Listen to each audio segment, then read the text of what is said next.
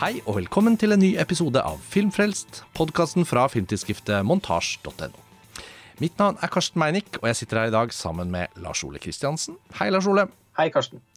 I dag skal vi snakke om Pier Paolo Pasolinis film 'Medea' fra 1969, som nå i oktober vises på cinematekene rundt omkring i landet i nyrestaurert versjon.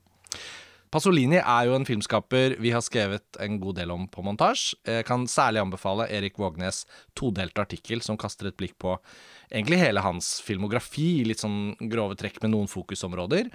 Og um, av hans aller mest berømte filmer så kan man vel kanskje si at uh, Zalo eller Sodomas 120 dager, er det vel den norske tittelen her. Uansett en, en, beryktet film, men også en uh, distinkt klassiker fra Pasolinis filmografi. Uh, Pasolinis skjebne, som de fleste som kjenner hans livshistorie kanskje vet, uh, endte jo opp med et drap i 1975. Han døde. Og um, biografifilmen om Pasolini, som vi skrev og snakket om da den kom, Abel Ferraras Pasolini med William Dafoe i tittelrollen, forteller jo veldig fint om hvem han var som filmkunstner, hans komplekse vesen. Men denne Medea-filmen, Lars Ole, den er kanskje ikke den som snakkes oftest om, men nå kommer den da opp igjen til overflaten, og jeg syns det var en fin anledning for oss to til å ha en episode sammen igjen og, og, bare snakke litt rett og slett om denne. Fortelle lytterne litt om hva de kan forvente seg hvis de går og ser den på cinematekene. Og Medea handler jo da selvfølgelig om den figuren, tragiske figuren fra gresk mytologi, basert på stykket til Evripides. Og jeg kan aldri påberope meg noe sånn særlig sånn stor kunnskap om de greske mytene i detalj, eh, og Medea for meg er alltid først og fremst uh, tilfeldigvis at jeg eh, gikk på Nationaltheatret i Oslo og så en oppsetning av Medea med Gisken Arman i hovedrollen. Og det gjorde veldig inntrykk. Føltes veldig sånn on brand at Gisken Arman spilte den rollen. Hun hadde fikk bruk for all sin intensitet. Det er en veldig tragisk skikkelse. Eh, Lars Ole, Medea for deg. Jeg føler, forbinder heller ikke deg som sånn superekspert på greske myter. Hva er det liksom du forbinder med Medea mest? Nei, eller på gresk eh, dramatikk, Nei. for den saks skyld. Jeg forbinder vel da Medea mest med den underlige TV-filmen til Lars von Trier. Ja, fra slutten av 80-tallet. Mm. For det er interessant når man liksom et, En ting er jo Pasolinis Medea, tross alt, for de som kjenner hans filmografi godt, er på en måte en litt markant film. Maria Callas, den store operasangeren, gjør sin eneste filmrolle hvor hun ikke synger da, i denne filmen, i tittelrollen som Medea. Men når man slår opp den historien her, så er ikke egentlig den filmatisert så voldsomt mange ganger. Så kanskje ikke, ja, den, kanskje ikke Medea egentlig er så kjent som jeg Eller sånn, jeg tenker alltid at åh, alle vet hvem hun var, men det er kanskje ikke så kjent. Ja, og den uh, Trier-filmen, den, den, den, er liksom en hyllest til Dreyer, først og fremst, og er basert på uh, en adaptasjon som han skrev av mm. Euripides uh, stykke. Mm.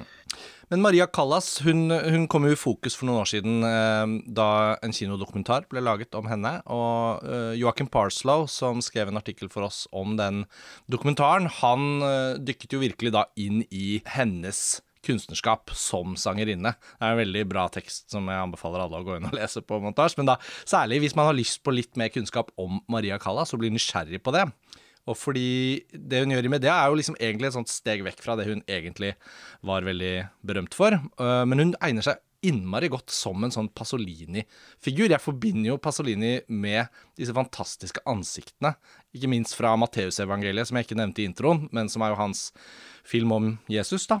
Og det er en sånn match mellom de to filmene som i hvert fall oppsto veldig fort for meg når jeg tenkte mm. på at vi skulle snakke om dem. Men jeg, jeg vet ikke hvor, hvor, hvor, føles det naturlig for deg at vi begynner? Nei, altså, man, vi kan jo da, i tilfelle noen av lytterne eh, begynner å forvente at Callas skal synge i filmen, så kan vi understreke at hun tier knyst. Og hele filmen gjør jo egentlig det, i alle fall de første 45 minuttene, eller kanskje til og med første timen. Med unntak av en prolog der en eh, kentaur på en måte introduserer oss litt for fiksjonsuniverset. Uh, umiddelbart bryter den fjerde veggen og blir som en sånn gresk korforteller. på en måte. Man får på en måte følelsen at han setter opp et slags sånn regelverk for filmen. Mm. Og formidler mye av det Pasolini har lyst til å si med sin Medea-adaptasjon. Og Pasolini Eh, er eh, i flere av filmene sine liksom kritisk til modernitet. Eh, han sverger til det magiske ved verden, samtidig som han bringer en markant realisme inn i mytefortellinger. Det er jo noe av det eh, mm. Pasolini virkelig får til, både i sin eh, Jesus-film og den livets trilogi bestående av eh, Decameron og Canterbury Tales og ikke minst eh, arabiske netter. Mm. Og ha, i begynnelsen her da, så, så sier denne kentauren at uh, livet her, i dette universet som han presenterer, er veldig realistisk. og det sier han på en ironisk eh, måte. Og senere i filmen så dukker han opp igjen, og da sier han at eh, nå, nå, Jeg tok notat fra eh, undertekstene på Blu-rayen mm. her, hvor det står But the sacred is preserved within the desecrated form. Og det eh, oppsummerer egentlig på en måte hele Pasolinis eh, filmkunstnerskap, eh, for meg i hvert fall. Ja, altså jeg syns det er veldig gode poenger. Ja, nok en gang til Matteusevangeliet, bare fordi også det er jo på en måte Jeg har fortsatt noen hull fra Pasolinis filmografi og gleder meg på en måte For hver film føler jeg at jeg får enda mer lyst til å se resten, sånn at jeg liksom blir litt mer ekspert. Eh, men også fordi jeg liker de veldig godt. Men særlig Matteusevangeliet, og denne egentlig, da, klarer å treffe den balansen på en så utrolig interessant måte, som også gjør dem helt sånn særegne på det. For det var ikke helt det andre filmskapere kanskje var like opptatt av samtidig som Pasolini gjorde disse filmene. Og så nå i nyere tid så føles det ut som om filmskapere er nesten helt inkapable til å klare å skape sånne rustikke, autentiske, grovkornede univers, sånn som Kanskje særlig Matteusevangeliet, fordi den også er i sort-hvitt og veldig sånn alle er amatører, og alt er på en måte helt nede på liksom eh, sand og grus og stein, og så oppstår det plutselig mirakler i elliptiske klipp, eller alt blir veldig sånn håndfast, men eh, åndelig samtidig. Mens her i Medea så har man jo på en måte Maria Callas er jo ikke en eh, amatør. Man, man, ser på henne bare i bildene at hun kommer fra noe litt overjordisk, nærmest. Men likevel er det det samme filmspråklige grepet, da. Sånn som du sier, det er veldig sånn distinkt eh, og det føles originalt, og også med 2023-øyne. Når man ser Medea i dag og tenker på hvordan den ville oppleves, så tenker jeg særlig på det å, å, å, gå Nå som det er mulig da, på Cinemateken, å gå inn i kinosalen og, og se akkurat denne filmen på en sånn lukket liksom steng verden ute-måte, så egner jo også det filmspråket seg veldig for å belønne tilskueren som gir den litt tålmodighet. da. Jeg tenker at den filmskaperen i dag som det er mest nærliggende å, å, si at utforsker noe av det samme rommet. Er jo også italiensk, da, i og for seg Alice Rårvakker. Ja, nettopp. F.eks. i Lykkelige Lazaro, som har mange Pasolini-aktige trekk. Ja, og den La Chimera, egentlig, som vi nå så i Cannes tidligere i år. Ja, som jeg likte mye bedre enn deg, husker jeg. Ja, det var Det var en sånn film hvor luften gikk litt ut av meg, men uh, jeg ble desto mer overrasket og glad da, for at du hadde fant så mye i den. Jeg syns i alle fall at den var veldig interessant, og at den klarte å trekke meg tilbake til eh, en tidig italiensk film som jeg har veldig sans for. Og med det er jo laget uh, midt i eksplosjonsøyeblikket, holdt jeg på å si. Eller kanskje i og for seg litt etterpå. Men uh, Pasolini tar liksom mytene ned fra himmelen og til jorden, og der velter de seg i leire, for å si det sånn. Og alle mm. filmene hans er veldig sånn brutalt, litt sånn groteskt menneskelig. altså Folk pisser og driter og knuller og, og spiser stygt. og Det er noe litt sånn uh, illeluktende, eh, ramt, eh, brunt eh, ved, ved, ved, mange av Pasolini sine filmer. Men i kontrast til, til det også innslag av bokstavelig talt, altså overjordisk skjønnhet i kostymer, hatter, smykker og ikke minst altså, produksjonsdesign mm. og måten han velger å lyssette scener på av og til som om han var en Caravaggio. Altså, og Medea dette var første gang jeg så denne filmen nå i dag, og den føltes jo på enkelte områder som en zip-fil av, av, Pasolini. Og han begynte jo karrieren sin som neorealist, men begynner veldig raskt å bryte med, med holdt på å si, reglene. For det er på samme måte som Visconti gjorde i Rocco og hans brødre. Det var jo alltid åpenbart at det ikke var riktig for, for eh, Visconti å forbli i den neorealistiske formen all den tid han kom fra en så styrtrik familie i Milano og eh, aldri hadde gått på noe annet enn marmorgulv. det finnes en helt utrolig morsom anekdote fra settet på jeg tror det er The Damned. Denne helt sinnssyke tyske produksjonen til Visconti som jeg kanskje egentlig synes, eller, Jeg kan ikke si at, jeg, at, det er hans beste film, men det er min personlige favoritt. Det var også Fassbinders favorittfilm, og når man ser denne filmen, så tenker man at alt, alt, alt, det, alt Fassbinder vokser ut av av dette her, av dette galehuset som uh, The Damned uh, er, eller Götterdammerung, som det heter på tysk. Mm. Men det er en uh, historie fra den Jeg tror, mener jeg bestemt husker at den innspillingen hvor Visconti følger med på de som jobber med produksjonsdesign, og som legger et gulv, og så sier han ah, dette her funker ikke, vi må ha marmor. Og så filmen, ja. ja så trekker han seg tilbake til hotellrommet sitt og sitter der og røyker og drikker i noen døgn, sånn som han pleide å gjøre. Og kanskje noen unge elsker innom og sånn. Og så returnerte han til gulvet, som da var marmorlagt. Og så tok han stokken sin, som han pleide å gå rundt med, og så kakket han i marmoren. Og så Nei, det var ikke dette var ikke bra nok kvalitet. Alle kommer til å se det. må bare fjerne. Vi må, vi må gå tilbake til det første likevel. Dette ble jo enda verre. Og Visconti er jo faktisk, nå som du har nevnt ham, en, en bra bro til Pasolini. For det var jo veldig mange da av fagsjefen og sånn som jobbet på tvers av flere av de store italienske filmskaperne parallelt. Og eh, i min research etter å ha sett filmen, så ble jeg jo ganske sånn for det var jo umulig å ikke tenke på kostymene etter å ha sett Medea. Ja, det er, altså, det, er, det, er, det er, noe av det mest utrolige jeg har sett. Og jeg tenkte, hvem i alle dager har gjort dette arbeidet her? For det er faktisk ekstraordinært eh, virkningsfullt og bra for filmens liksom, innhold og tematikk òg. Og, og, veldig eksperimentelt. Altså mye garn. Og det var ikke så innmari lett å liksom gjette hvem det er. Fordi av og til så kan man liksom ta bingoen i italiensk film. Men her var det mange andre navn involvert. Altså, det første, jeg tenker jo f.eks. at ja, det er sikkert eh, Piero Deli som har fotografert filmen. Nei, det var det ikke. Eh, det var vel å merke Dante Fretti som hadde produksjonsdesignet. Yes. Men skulle jeg tatt en vill gjetting her, så ville jeg tenkt ja, men det er sikkert Danilo Donati som har kostymene, fordi han har kostymene på Livets trilogi-filmene og de, ja. de fleste Pasolini-filmene. Og eh, ble jo fast kostymedesigner og produksjonsdesigner i tillegg for Fellini etter at Piero Gerardi døde. Eh, det vil vel si fra med Satyricon. Ja, så Du får mange poeng for alle de navnene der og koblingene, så det tenker jeg at du allerede har liksom vunnet en pris. Men det var jo ikke en av dem. Eh, det var Piero Tosi, som da er Viscontis faste kostymedesigner. Han jo, jobbet jo både på Rocco, hans brødre og Il Gatto Pardo og uh, The Damned, som du nevnet, og um, ikke minst Døden i Venedig.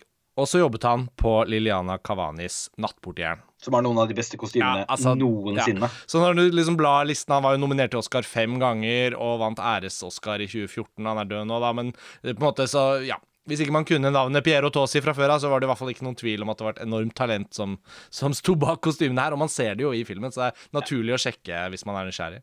Men det er noe skikkelig forbløffende over dette, fordi at altså, i Visconti sine filmer så er det jo på en måte altså, Visconti var jo så opptatt av historisk korrekthet og sånn. Så ja, men kanskje det er nettopp derfor denne Tåsi er så utrolig, da. Fordi han klarer da å ta oppdraget fra Pasolini og løse det. Og, men det er jo på en måte mye nærere på noe f.eks. Danilo Donati, eh, altså hans estetikk, enn Viscontis mm. kostymedesigners uttrykk. Eh, men så er det jo da han. Eh, wow. Det syns jeg var en vill opplysning. Ja, men altså, hvem vet? Altså, sånn, Den gangen de må jo ha vært travle, og så bare plutselig han andre var opptatt, og så ringer man han andre, og så kommer han, og så er det så, Altså, det, han gjorde jo da både denne Götterdämmerung, eller The Damned, og Medea i 1969. Eh, denne kostymen Så det, han hadde nok å gjøre. Altså, det, la oss bare få understreket det, da, eh, før vi beveger oss videre. Jeg hadde jo jeg var på, egentlig på vei et annet sted, men eh, altså, dette er jo Dette må være alle, både hattemakeres og smykkedesigneres og Tekstilkunstneres. Ja, favorittfilm. ja. Altså... Og, jeg, og, og, jeg, lurer på, har Franziska Eliassen sett denne filmen før hun eh, lagde Den siste våren og de garnkostymene der? Altså, jeg er på nippet grepet til å sende en e-post Dette er jo da Franziska Eliassen, eh, hva skal vi si, årets eh, talentgjennombrudd i norsk film, eh, med Den siste våren og, Amanda-pris blant annet for beste musikk, og flere andre nominasjoner. Men for de som ikke har sett Den siste våren, så er det jo da en sånn scene Veldig uttrykksfull og fin scene med noen sånne hekser og noe mytologi, rett og slett, i filmen laget i Lofoten på lavt budsjett. Og om ikke hun har sett Pasolinis Medea, så kommer hun jo til å bli rammet av total eufori når hun ser den filmen. Fordi eh, det var så mange overlappende eh, kostymeestetiske og tekstilestetiske trekk, får vi si det sånn. Ja. Det er en morsom kobling. Men ja, altså, vi har egentlig ikke satt helt ord på hvordan Medea egentlig fremstår. Og nå tok vi det jo kanskje litt for gitt også at folk egentlig vet hva den handler om. Vi, vi bare refererte til denne greske. Skal jeg bare kort si hva egentlig historien er? Bare sånn at alle er med. Mm. det. Eh, Medea er jo da sånn Hun er vel halvgud, eller hun er i hvert fall heks, og hun har noe magi, og det er på en måte Slå gjerne opp alle detaljene i den faktiske teksten til Evripides, men i filmen så er hun en kvinne som um, befinner seg i en form for um, hun er veldig sånn tilstandsbasert i Maria Callas tolkning, veldig lite dialog, men hun dras da mot denne Jason, eller Jason, eh, også kjent fra de greske mytene, selvfølgelig, og hjelper ham med å stjele dette myteobjektet som gjør at han kan bli kongen i dette landet han egentlig vil bli konge i. Og etter å ha gjort dette, så blir de også eh, gift og får barn sammen, og så blir da eh, det forholdet brutt opp, og hennes vrede og sjalusi og, og, og dype trang for hevn driver da et lite plott videre mot et ultimate tragiske endelikt. Og um, det er jo det. Altså det, det man vet om Medea, er jo først og fremst de tragiske hendelsene rundt hennes figur. Men i filmen, fordi den også bruker så innmari mye tid på stemningen rundt hva som skjer, veldig lite dialog, og innmari uttrykksfullt lyddesign, bruken av sånn hedensk, liksom prehistorisk musikk.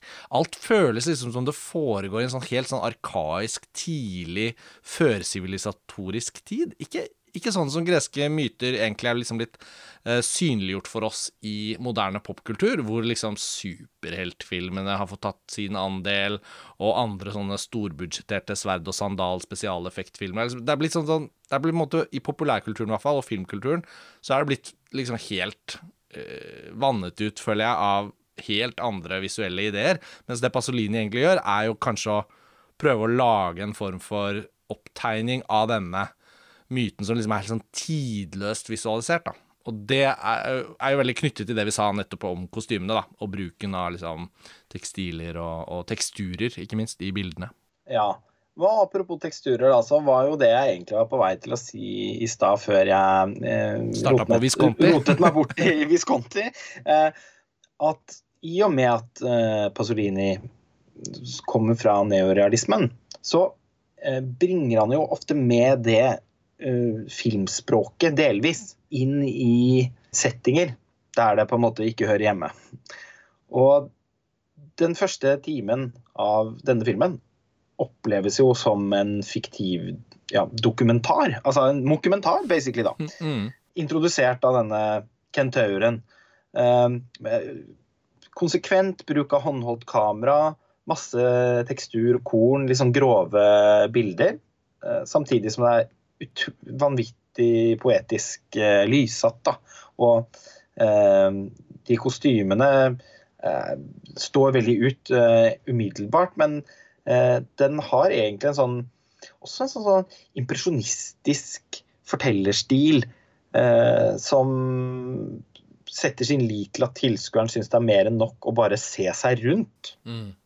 i, i de utrolige omgivelsene som vi blir plassert i, og på en måte ta, observere de groteske ritualene og sånn som blir utført. Det er mye ofring av mennesker og drikking av blod og Mm. tapping av hjerter hjerter og litt sånt. Ja, altså, den er jo veldig sånn Den sparer jo ikke på Det ek eksplisitte er kanskje feil ord, men, men den er veldig sånn spennende og drøy på den måten at den føles ikke som et museumsobjekt, syns jeg, som film. Ja, det ville jo kanskje vært litt overraskende, da, med tanke på at det er Pasolini som, har, som, som har laget uh, Zalo og uh, Livets trilogi og sånn. Ja, ja, det er sant. Jeg tenker vel kanskje bare at hvis man ikke er så godt kjent med ham, da, så kan man kanskje tenke at en film fra 1969 som heter Medea, som ser litt støvete ut, Ja, kanskje er ja. litt museumsobjektaktig.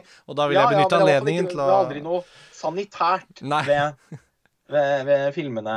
Altså, den, og den her har jo en drømmeaktig karakter mm. fra starten av, som Mm. kanskje blir litt flatet ut mot slutten. Hvor eh, det kan virke som at Pasolini blir mer teksttro, rett og slett. da. Ja, da føler han seg kanskje litt forpliktet til å få fullført den historien om Medea, som, som ligger der.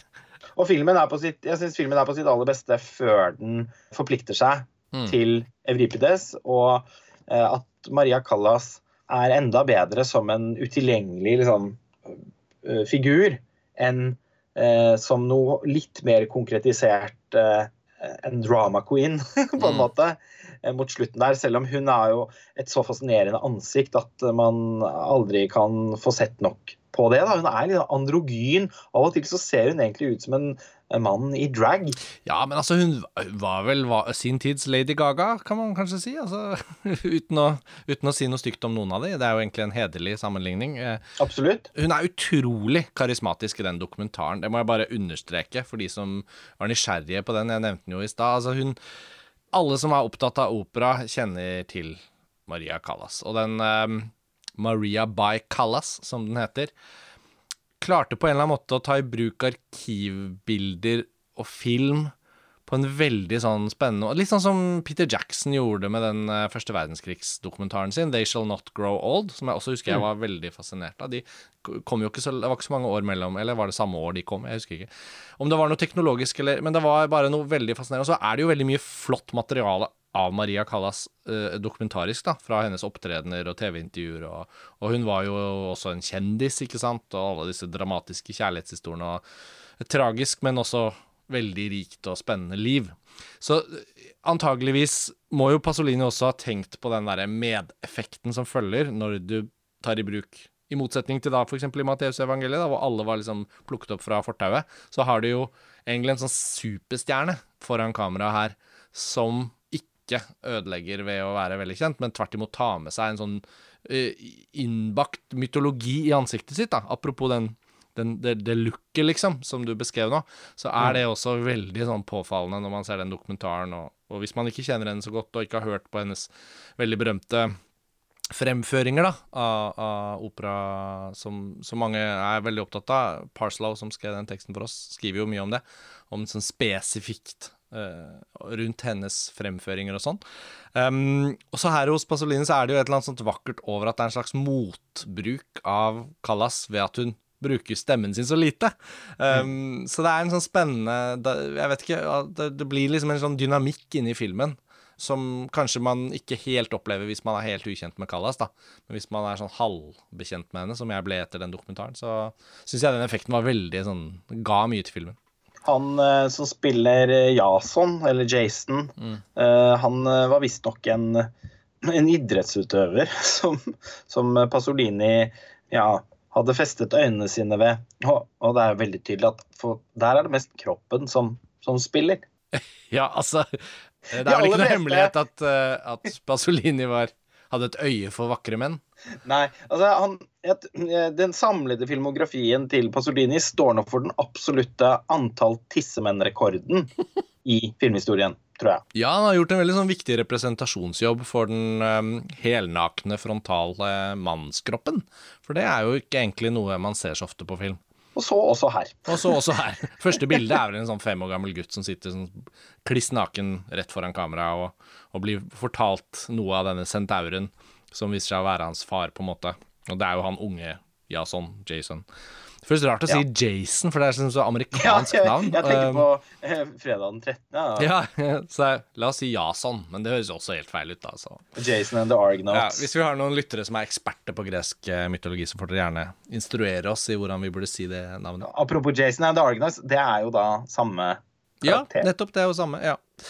Men eh, nå flyter vi kanskje litt ut her. Men uansett, jeg syns, jeg syns Medea var en kjempebra film. Og jeg så den jo også for første gang nå, og det var jo på en måte også en fin anledning. Det var litt derfor vi også gjorde denne episoden, fordi nå som det er, blir en, liksom en anledning, utenom at det er en stor Pasolini-serie eller nødvendigvis et stort jubileum akkurat nå i høst, så plutselig sånn kommer denne filmen litt sånn opp over overflaten.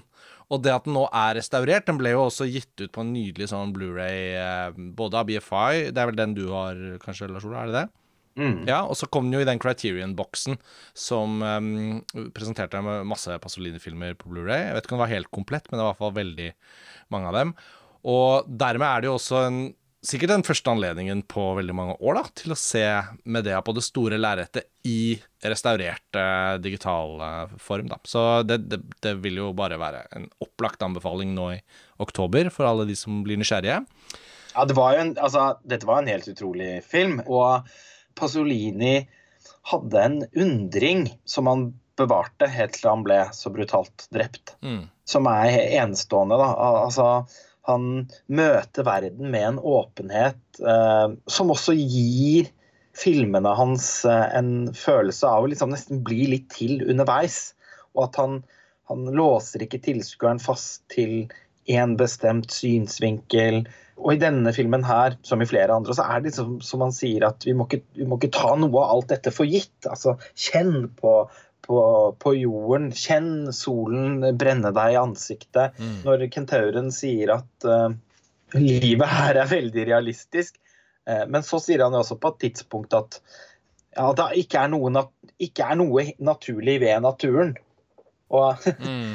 og det utsagnet fanger på en måte Pasolinis tilnærming til, til materialet føler jeg. Ja, jeg liker den motsetningen veldig godt, da, hvor han er uttrykt i filmen. Og denne prologen som du beskrev uh, tidlig i episoden, med kentauren og sånn, den er jo faktisk Kommer litt brått på.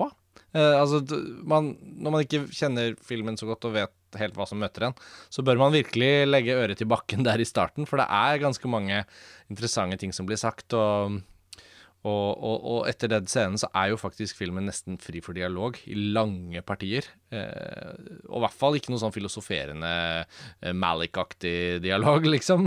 Så den derre åpningen som er sånne visdomsord også, til en ung mann, ikke sant. Det er jo sånne mm. elliptiske klipp mellom hver replikk, sånn man ser at han vokser opp. Eh, og lytter til sin far der. Så mm, jeg syns også ja, den det... Kentaur-effekten var så god. Det var bedre enn digitale effekter fra vår tid. Jeg er helt overbevist, jeg. Ja, og jeg så det var, det var, noen som hadde skrevet et helt essay med utgangspunkt i den. Var det det, ja? Eh, Kult. som jeg ikke rakk å mm. fullføre. Nei, nei, men, men uh, det var en film som inspirerte veldig til sånn lesning og, og vite mer og sånn. Så jeg så Jeg har ikke den Criterion-boksen selv, men jeg så at Criterion inkluderer visstnok da på den uh, Medea-disken en, en litt ny dokumentar om innspillingen av denne filmen. Så hvis det er noen eksperter som lytter til oss og lurer på hvorfor vi ikke inkluderer masse rare, små anekdoter, så er det derfor, altså. Vi, ikke, vi skal også lære mer om hvordan denne filmen ble laget. Og med det kan vi vel runde av denne episoden. Ja, nei, men jeg er helt enig. Jeg føler vi har fått sagt det viktigste. Uh, Medea vises altså på cinematekene rundt omkring i landet nå i oktober og kanskje litt utover i november. Hvem vet? Sjekk visningstider på ditt lokale cinematek. Lars Ole, vi får bare si at vi returnerer snart med en ny episode av Filmfrelst. Takk for denne gang. Takk for da. Ha det bra. Ha det bra.